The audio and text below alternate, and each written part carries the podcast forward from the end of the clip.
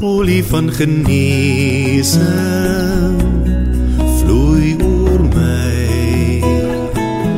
Bring herstel hier in my lewe. Maak my vry daar's balsem van healing as jy dit net beveel olie van genesing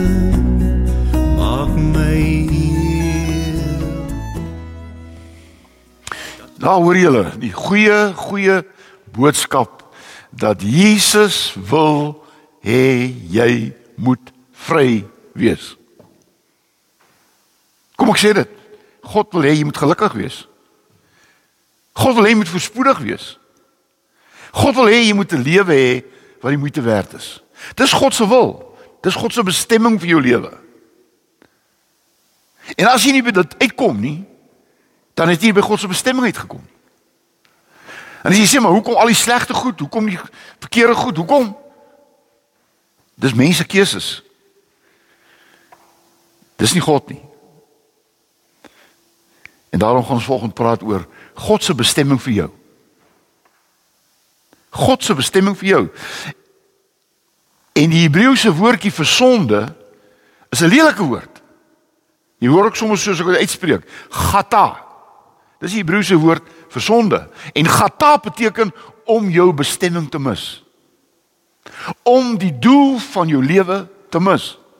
Dis die grootste sonde wat jy ooit in jou lewe kan kan doen. En as mense wat nie by hulle bestemming uitkom nie. Kom nie by hulle bestemming uit nie. En ek wil volgens vir jou dan kom groet. In die naam van God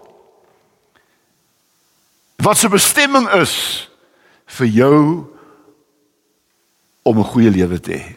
Ek groet jou in die naam van Jesus wat hierdie bestemming vir jou kom uitwerk het. En ek groet jou in die naam van die Gees van God wat hierdie bestemming in jou hart 'n werklikheid maak. Is jy 'n vervolgde mens? Of is jy 'n leë mens? 'n Mens wat bes, sy bestemming nie uitkom nie, is 'n leë mens. Hy's leeg. En hy probeer dit volmaak met baie goed wat niks met God te doen het nie. Mag die Here gee dat jy vanoggend hier sal uitstap en sê ek wil met niks tevrede wees, minder tevrede wees as God se bestemming vir my lewe nie. Kom ons bid net saam.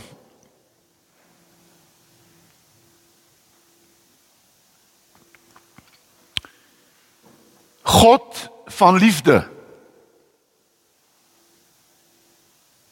U het ons gemaak om u kinders te wees.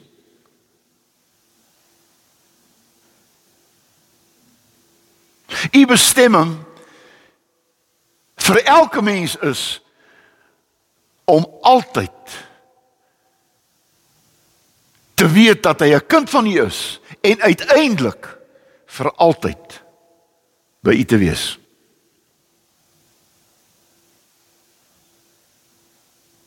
Jesus het na hierdie wêreld toe gekom om vir ons te kom wys hoe God ons as mens sien.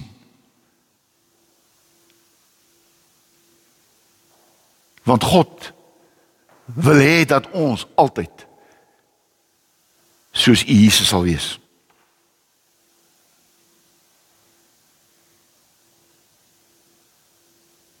Here ons weet en ons glo dat U wil hê dat ons gered moet wees en dat ons nie verlore sal bly nie. En daarvoor het U vir ons Jesus gestuur. Jesus, U is die stopstraat vir elke mens op pad om sy bestemming te verloor. En dankie dat ons by U Jesus gestop het en omgedraai het na die regte pad. Die pad wat U vir ons bedoel het. Here, U wil ook hê dat ons mense sal waarsku teen dit wat hulle U bestemming laat mis. Dat ons nie sal beklei nie, dat ons nie sal veroordeel nie, maar dat ons sal waarsku dat dit wat jy kies gaan jou uiteindelik by jou bestemming uitbring. En daarom kom bid ons vir mense wat weier om te luister na waarskuwings wat hulle toe kom deur mense wat hulle liefhet. Ouers, familie, vriende. Ons bid vir verlore seuns en dogters wat ver oggend eers in een of ander vark ook van hierdie lewe sit en weet ek is nie op die plek waar die Here my wil hê nie. Gee dat hulle sal opstaan soos die gelykenis ons vertel en sal terugkeer na u Vader wat uiteindelik ons elkeen se bestemming is in Jesus se naam. Amen. Jona word beskou as een van die profete in die Bybel. Daarom is hy onder die klein profete. Dis nou nie Jesaja, Jeremia en Esegiel wat die groot profete is nie, maar klein profete. Dit daarom is dit ook sommer so 3, 4 hoofstukkies. Nou Jona is een van hierdie van hierdie klein profete. En as 'n mens Jona lees, en, en dis my mening dan glo ek Jona was 'n werklike persoon maar dat die boek Jona eintlik 'n verhaal is oor en van Jona. Jy weet 'n verhaal en 'n werklikheid is nie dieselfde ding nie, maar die verhaal is nie noodwendig geleë nie. Maar die verhaal is gewoonlik gebaseer op die werklikheid. En dis wat ook in die boek Jona gebeur. Die tema van my boodskap vanoggend is God se bestemming vir jou lewe. God se bestemming vir jou lewe. Kom ons lees Jona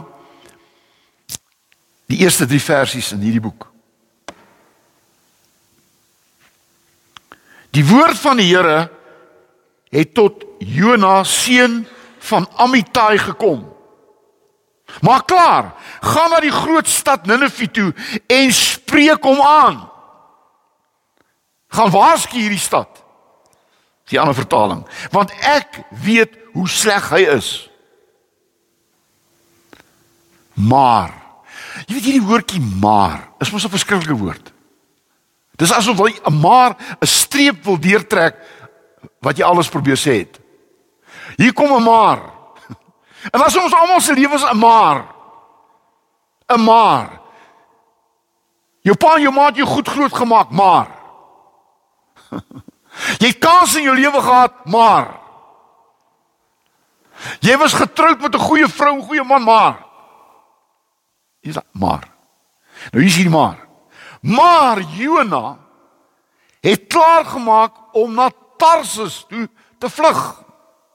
Weg van die Here af. Weg van die Here af. Jona is af Joppe toe en daar het hy 'n skip gekry wat op vertrek was Tarsus toe. Hy het vir die reis betaal en aan boord gegaan om saam met die bemanning Tarsus toe te gaan weg van die Here af.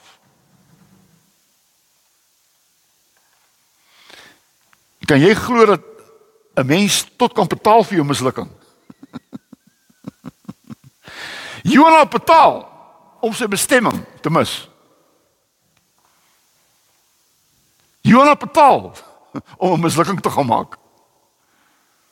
En ek dink baie van ons het ook betaal vir ons mislukkings.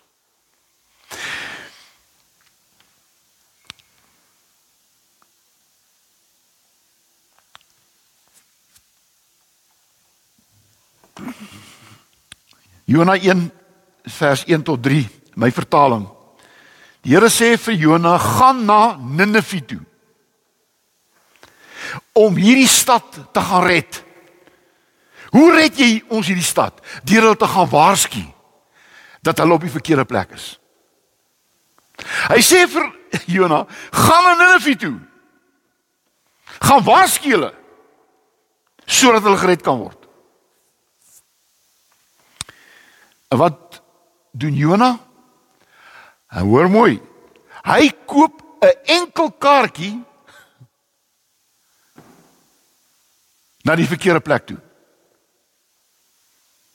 Jona koop 'n 'n kaartjie 'n enkel kaartjie na die verkeerde plek toe. God sê Ninive, hy gaan Tarsus toe. Oukies, ek wil net vir julle sê vanoggend, ek glo met hele hart dat God het vir ons elkeen 'n bestemming. En God se bestemming is dat ons altyd by die plek sal wees wat hy vir ons bedoel het. Dis 'n bestemming. God wil hê dat ons elkeen altyd sal wees op die plek wat God vir ons bedoel het. Die Bybel noem dit paradys in die begin. Daar word gepraat van hemel. Daar word gepraat van vaderhuis. Jy sien, al hierdie woorde is eintlik woorde wat sê dis wat ek vir jou bedoel. Ek bedoel vir jou paradys. Ek bedoel vir jou hemel. Ek bedoel vir jou hemel vaderhuis. Dis wat ek vir jou bedoel.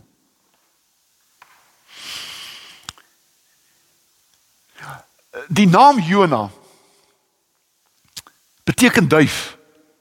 Duifie. Jona beteken duif. En 'n duif in die Bybel beteken goeie nuus. Onthou jy Noag in die ark? Kan dit gelees in Genesis 8 vers 11? Wat gebeur? As 'n vloed.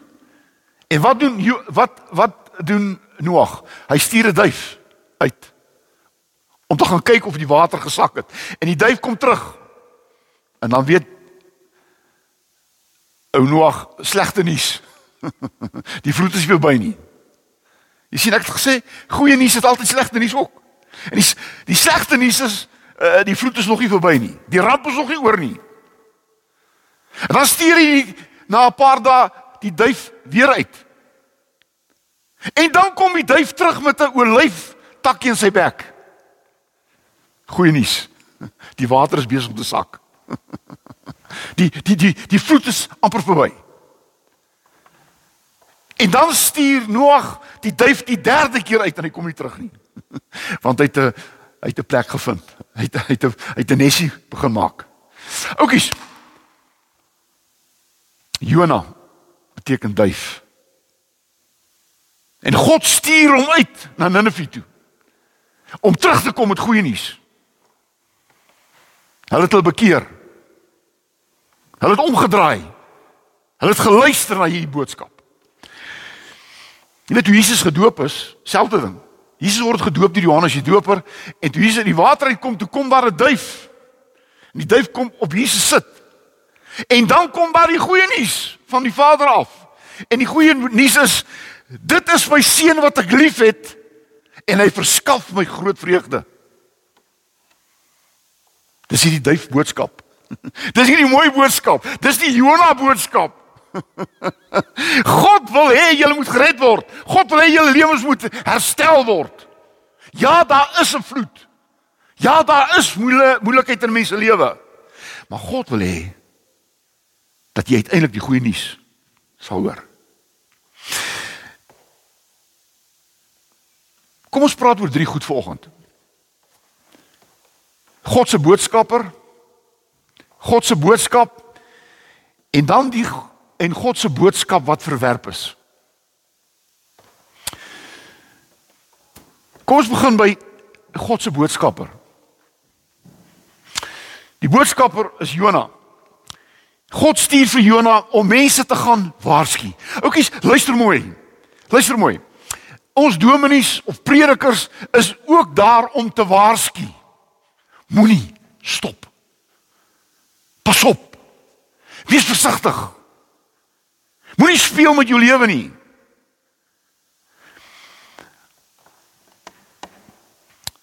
En weet jy Jona hou nie van Niniviese mense nie. ons dominees hou ook soms baie van die gemeentes wat ons het nie.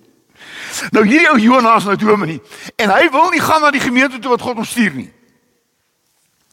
Want hy weet wat God gaan doen. Want daar staan in Jona 4 vers 2 hy sê uiteindelik vir God want hy was kwaad toe God hierdie volk dat hierdie volk die boodskap aanvaar het en tot bekering gekom het. En dan sê Jona, ek het geweet U is 'n genadige, barmhartige God, lankmoedig, vol liefde en wil red en vergewe. Oukies, ek kan hier voor julle staan en ek kan vir julle sê ek waarsku julle, maar ek weet wat God vir julle bedoel. Want hy's 'n genadige, barmhartige en 'n liefdevolle God. En hy wil nie hê dat jy moet verlore gaan nie. Dis die boodskap. Dis die boodskap.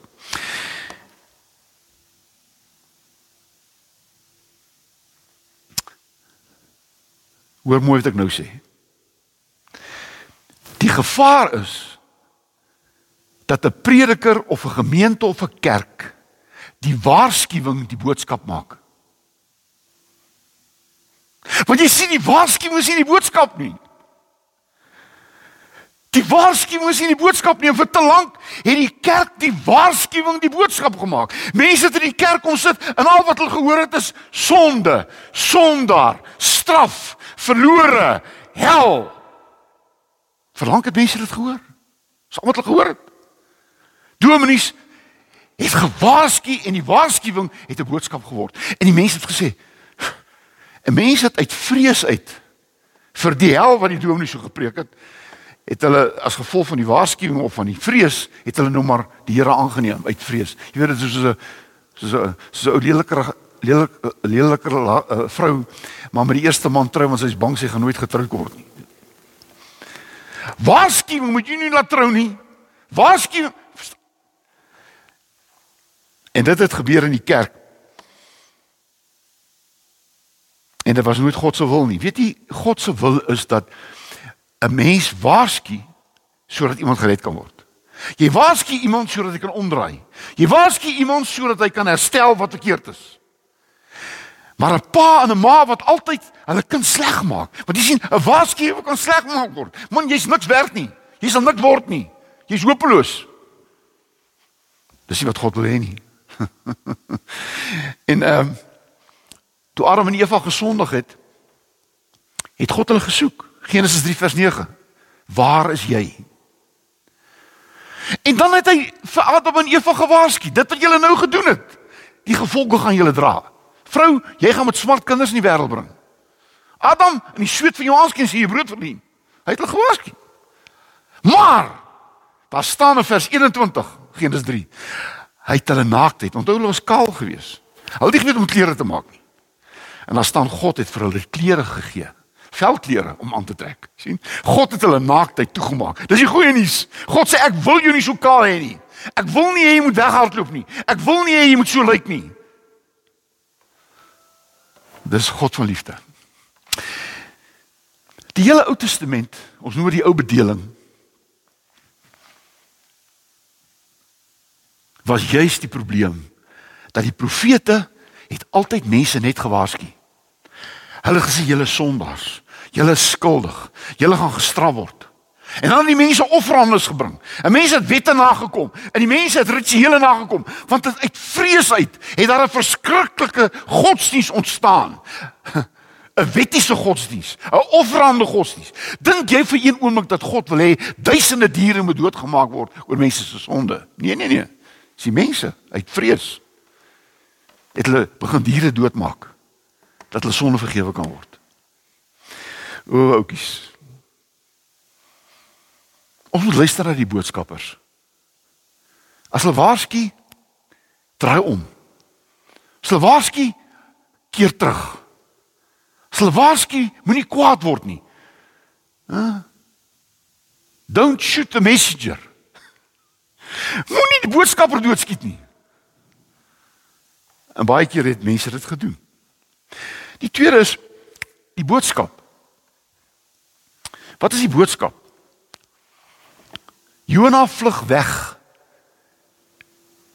vir die boodskap wat hy moes afgelewer het. En wat is die boodskap? Hy moes gaan waarsku. Hy moes vertel dat jy is sleg. Hy moes vertel dat jy is verkeerd. Hy vlug vir daai boodskap. Hy wil die boodskap nie bring nie. In plaas daarvan dat hy vir God vertrou, want hy weet God is genadige, barmhartige God en hy gaan hierdie mense tot bekering laat kom. En daarom staan ek voor mense en ek waarsku hulle, maar ek weet uiteindelik gaan God hierdie mens laat omkeer. Hierdie mens laat reg besluit. Hierdie mens weer 'n kans wil gee. En daarom kom Jesus. En wat is Jesus? huh? Hy's God se goeie boodskap. Johannes 3 vers 16 want so lief het God die wêreld gehad. Sy seun gegee. Hoekom? Sodat die mense kan omkeer. Hierdie liefdesboodskap Julle ken die storieetjie. Van die wind en die son. Daar was 'n man gewees wat met 'n jas geloop het. En toe sê die wind vir die son: "Ek sal hy sy sy jas eers laat uittrek." Toe sê die son: "Doen dit." En wat doen hierdie wind? Hierdie wind het begin waai en dit begin sterker waai en dit begin rukwind waai en hoe meer hy ruk en pluk, hoe meer het hy op sy baadjie vasgeklou. En toe sê die wind laat reg op. Onthou dis net 'n storie hoor. en wat doen die son? Die son het helderder geskyn, en helderder geskyn en hy uit sy baadjie self uitgetrek. Jy sien ons ruk en pluk baie keer aan mense. En hoe meer ons ruk en pluk, hoe meer jy met jou kind beklei, hoe meer jy met jou kind sê hoe sleg is hy, hoe meer klou hy in sy baadjie vas. Maar hoe as jy met liefde kom en jou liefde word oorweldigend. Wie wat doen hy? Hy trek sy baadjie self uit. En dit is God se boodskap. God se boodskap wil hê jy moet self besluit. Jy moet nie uit vrees uit besluit nie. Jy moet nie uit vrees jou lewe verander nie.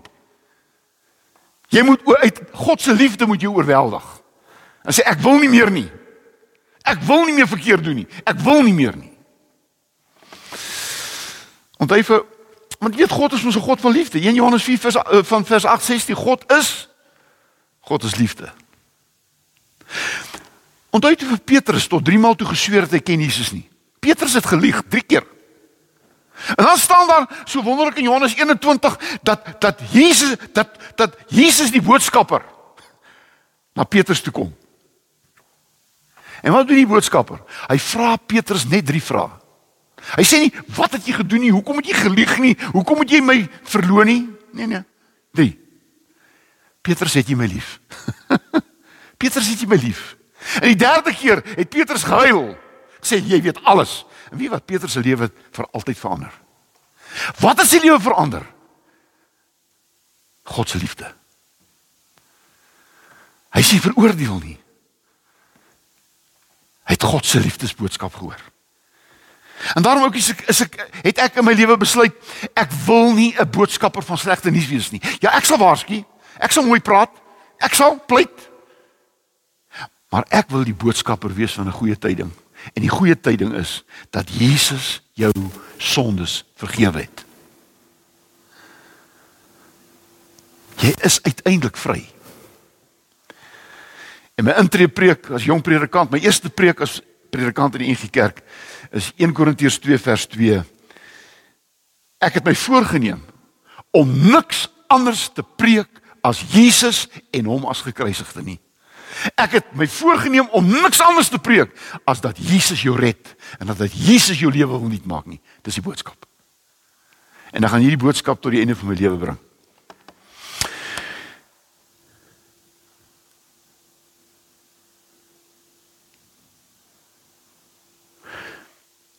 sal jy my saamstem as ek sê hierdie wêreld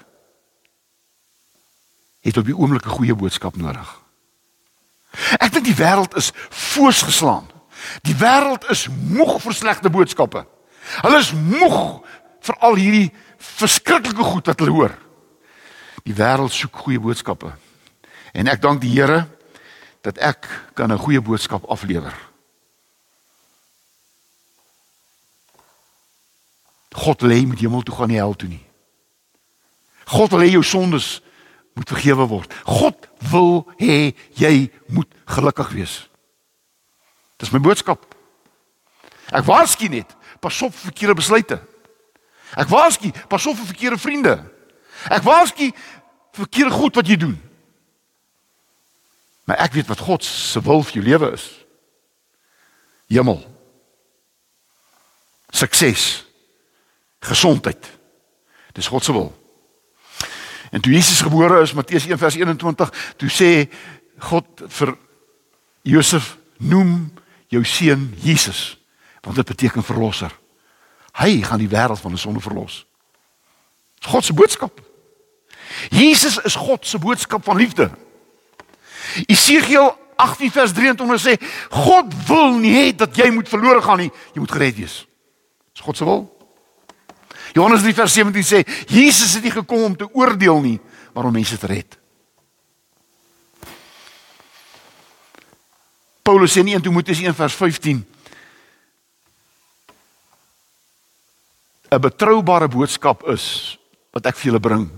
En hier staan dit 1 Timoteus 1 vers 15 dat Jesus gekom het om sondaars te verlos van wie ek en jy die vernaamste is. OK, kyk voor, kyk na my. Hier staan voor julle die grootste sondaar wat uit genade gered is. Ek is nie goed gebore nie. Jy verstaan? Maar ons elkeen moet 'n teken wees van God se boodskap wat my verander het.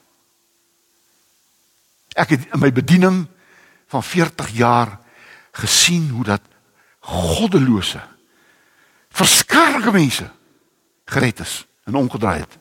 En hulle lewens was nooit dieselfde. Hulle het die goeie boodskap aanvaar. Ek sluit af. 'n Boodskap wat verwerp is. En 'n boodskapper wat oorboord gegooi is. Ook is hierdie Jona koop 'n enkel kaartjie na die verkeerde plek toe. En wat doen God? God stuur vir hom 'n retourkaartjie in die vorm van 'n vis. en God sê man, ek sal jou terugvat na die plek waar ek jou wou gehad het. En jy ken die storie van die vis. 3 dae was hy in die vis. Dis God se retourkaartjie. Terug na die plek wat ek vir jou bedoel het. Dis die plek wat ek jou wil hê. Andersom. Jy sien hy kies Tarsus en God wil hom by Ninive hê. Ook is daar van ons wat Tarsus kies. Ons koop 'n enkel kaartjie Tarsus toe. En ons lewens verwoes word. En ons mors ons tyd, ons mors ons lewens op. En God stuur vir hom 'n retourkaartjie, sê Ninive is die plek. Want dis waar ek jou wil gebruik. Dis die plek waar jy moet wees. En nou weet jy in Matteus 12 vers 40 en 41 het die fariseërs en die sadiseërs vir Jesus gesê ons wil 'n wonderwerk sien. Want hy het wonderwerke gedoen. Hulle sê maar ons wil ook 'n wonderwerk sien. En wat doen Jesus? Hy sê ek wil vir julle die grootste wonderwerk vertel wat ooit gebeur het. En hy verwys in Matteus 12 vers 40 en 41 na Jona. Soos wat Jona 3 dae en 3 nagte in die vis was, so sal die seun van die mens vir 3 dae en 3 nagte in die graf wees en opstaan. Want jy sien Jona se storie word uiteindelik waar toe Jesus gekruisig, begrawe en opgestaan het sodat ons nooit weer verlore sal gaan nie. Niemand sal ooit kan sê ek het nie geweet nie. Niemand sal sê ek het nooit 'n kans gekry nie. Jesus se opstanding gee vir ons elkeen 'n nuwe lewe. En weet jy wat? Jona word uitgespoeg daar op die sand. Kom ons noem dit 'n storie. Ek sê mos dis 'n werklikheid, maar was 'n storie, as dit klink goed. Dis vir jouself om uit te vind. En hierdie Jona stap uiteindelik daar op die sand van Ninive. En hy's kwaad vir God. Hy's kwaad vir God, want hy weet God gaan nou dit doen wat ek nie wil hê hy moet doen nie. En Jona begin uh, te waarsku en Ninive begin in trane uit te bars, mense in Ninive. En hulle trek rou klere aan en hulle kom tot bekering. 'n Hele stad kom tot bekering. En Jonas kwaad. Hy gaan sit daar onder 'n boom. Hy kry homself so jammer. God het hom ons 'n plant op verskyn en, en uiteindelik het die ding weer dood gegaan. Toe sê die Here: "Sien jy, ek kan maak wat ek wil." Jy's kwaad vir my. Nou gesê jy aan die son jouself jammer kry en hy het 'n komkommerplant laat opkom, skare weer vir hom gegee en toe die komkommerplant weer dood gegaan het, is Jona weer kwaad. Jy sien oukies, ek wil hê jy moet net weet. En jy moet mooi luister na my. 'n Mens op 'n verkeerde plek is nooit gelukkig nie en is nooit tevrede nie. Nooit. Hy vind altyd fout met God. Hy maak God altyd die skuld vir sy oortreding. Is dit nie so nie?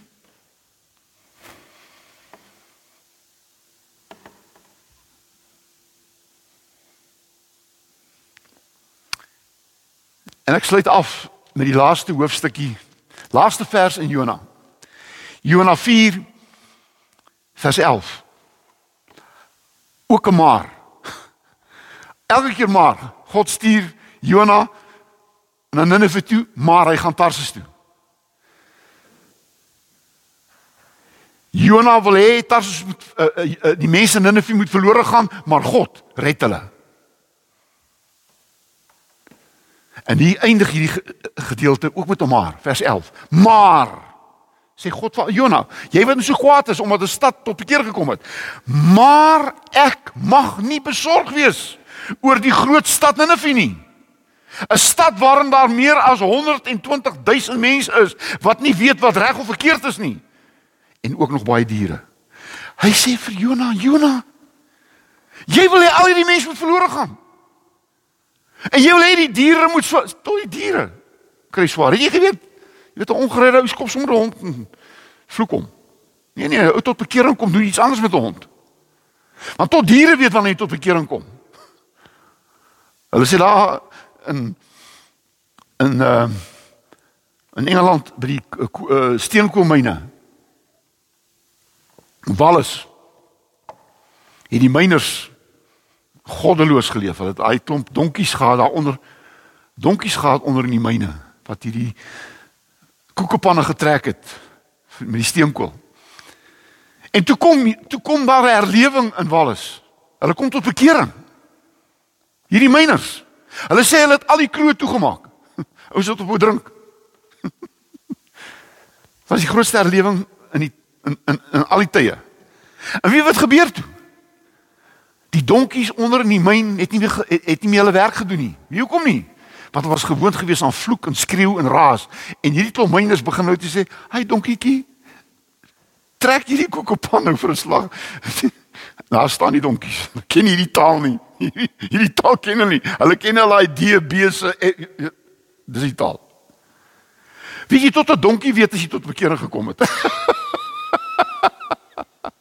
tot hy beest op jou plaas.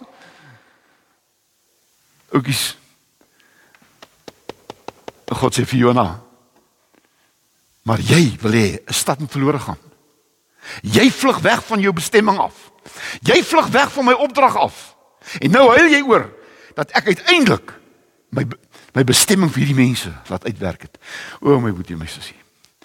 Ek sal nooit vergeet en welkom. 'n Vrou na my toe gekom, haar man was 'n totale alkoholist. Kom ek noem hom sommer 'n robbies. Hy het haar geslaan en gevloek. En natuurlik het sy weggeloop van hom af. En hy het by my kom huil. En ek sê vir hom kom Sondag kerk toe. En hy kerk toe gekom. En weet wat, hy het tot bekering gekom. Ek sal dit nie vergeet nie. Hy het opgestaan, hy het gehuil soos 'n kind in die kerk. Hy het op sy knieë geval, hy het die Here Jesus aangeneem. Kom ons noem ou dronk Piet. En dronk Piet is huis toe. Hy stap na sy vrou toe, gaan haal. En wie weet gebeur 'n week daarna? Sy vrou sit in my studeerkamer met 'n probleem. Ek sê: "Ag Vader, tog, wat is nou verkeerd?" Sy sê: "Dominee, ek het 'n nuwe man in die huis. Ek weet nie hoe om te hanteer nie." hy noem my nou liefie. hy, hy bring vir my blomme. hy bring nou geld huis toe. Hy drink nie meer nie. Dominee, ek het 'n probleem. Ek het 'n nuwe man. En ek weet hoe om te hanteer. Hy het by sy bestemming uitgekom. Hy word die man wat God vir sy vrou bedoel het. Hy word die pa vir sy kinders wat God bedoel het. En wie wat? Daar was mense in die dorp wat gesê het: "Ag, ou dronk Piet sal weer terugval." Jonas. Hulle is Okay, ek's klaar. God het God het, het 'n bestemming vir jou. En sy bestemming is nie om verlore te wees nie. Sy bestemming is nie om 'n mislukking te maak nie. Sy bestemming is nie om 'n verkeerde plek uit te kom nie. Sy bestemming is dat jou lewe so sal verander dat 'n hele dorp verander omdat hulle God se bestemming bereik het. Amen. Here baie baie dankie dat U 'n liefdevolle, barmhartige God is, vol liefde en genade. Amen.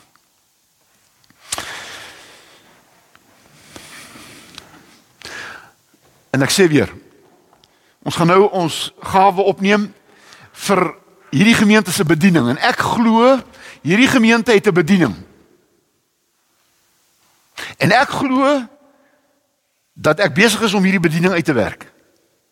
En as jy glo in hierdie bediening waar mense tot bekering moet kom, waar mense se lewens moet herstel, waar huwelike moet herstel, waar mense moet gesond word. Dan is daar nou geleentheid om in hierdie bediening in hierdie bediening te belê. Want ons gaan hierdie geld gebruik dat hierdie bediening uitgebrei kan word. En daai mense wat na my geluister het en na my weer gaan luister, is 'n bediening. En ons gaan sien hoe dat mense tot bekering kom. Ek sien dit tog om my geestesoog dat mense na hierdie dorp toe gaan gaan kom nie oor julle lekker eetgoed in julle in julle restaurante nie. Hulle gaan na hierdie dorp toe kom om te kom hoor van 'n boodskap wat mense se lewens verander. Dat mense sal stroom na na hierdie dorpie toe om te kom luister na 'n boodskap wat mense se lewens verander. Dis waarom ons hier is. Dis waarom ek glo in hierdie bediening. Die Here seën julle. Gaan dan heen. Gaan bereik die bestemming wat God vir jou bedoel het. Amen.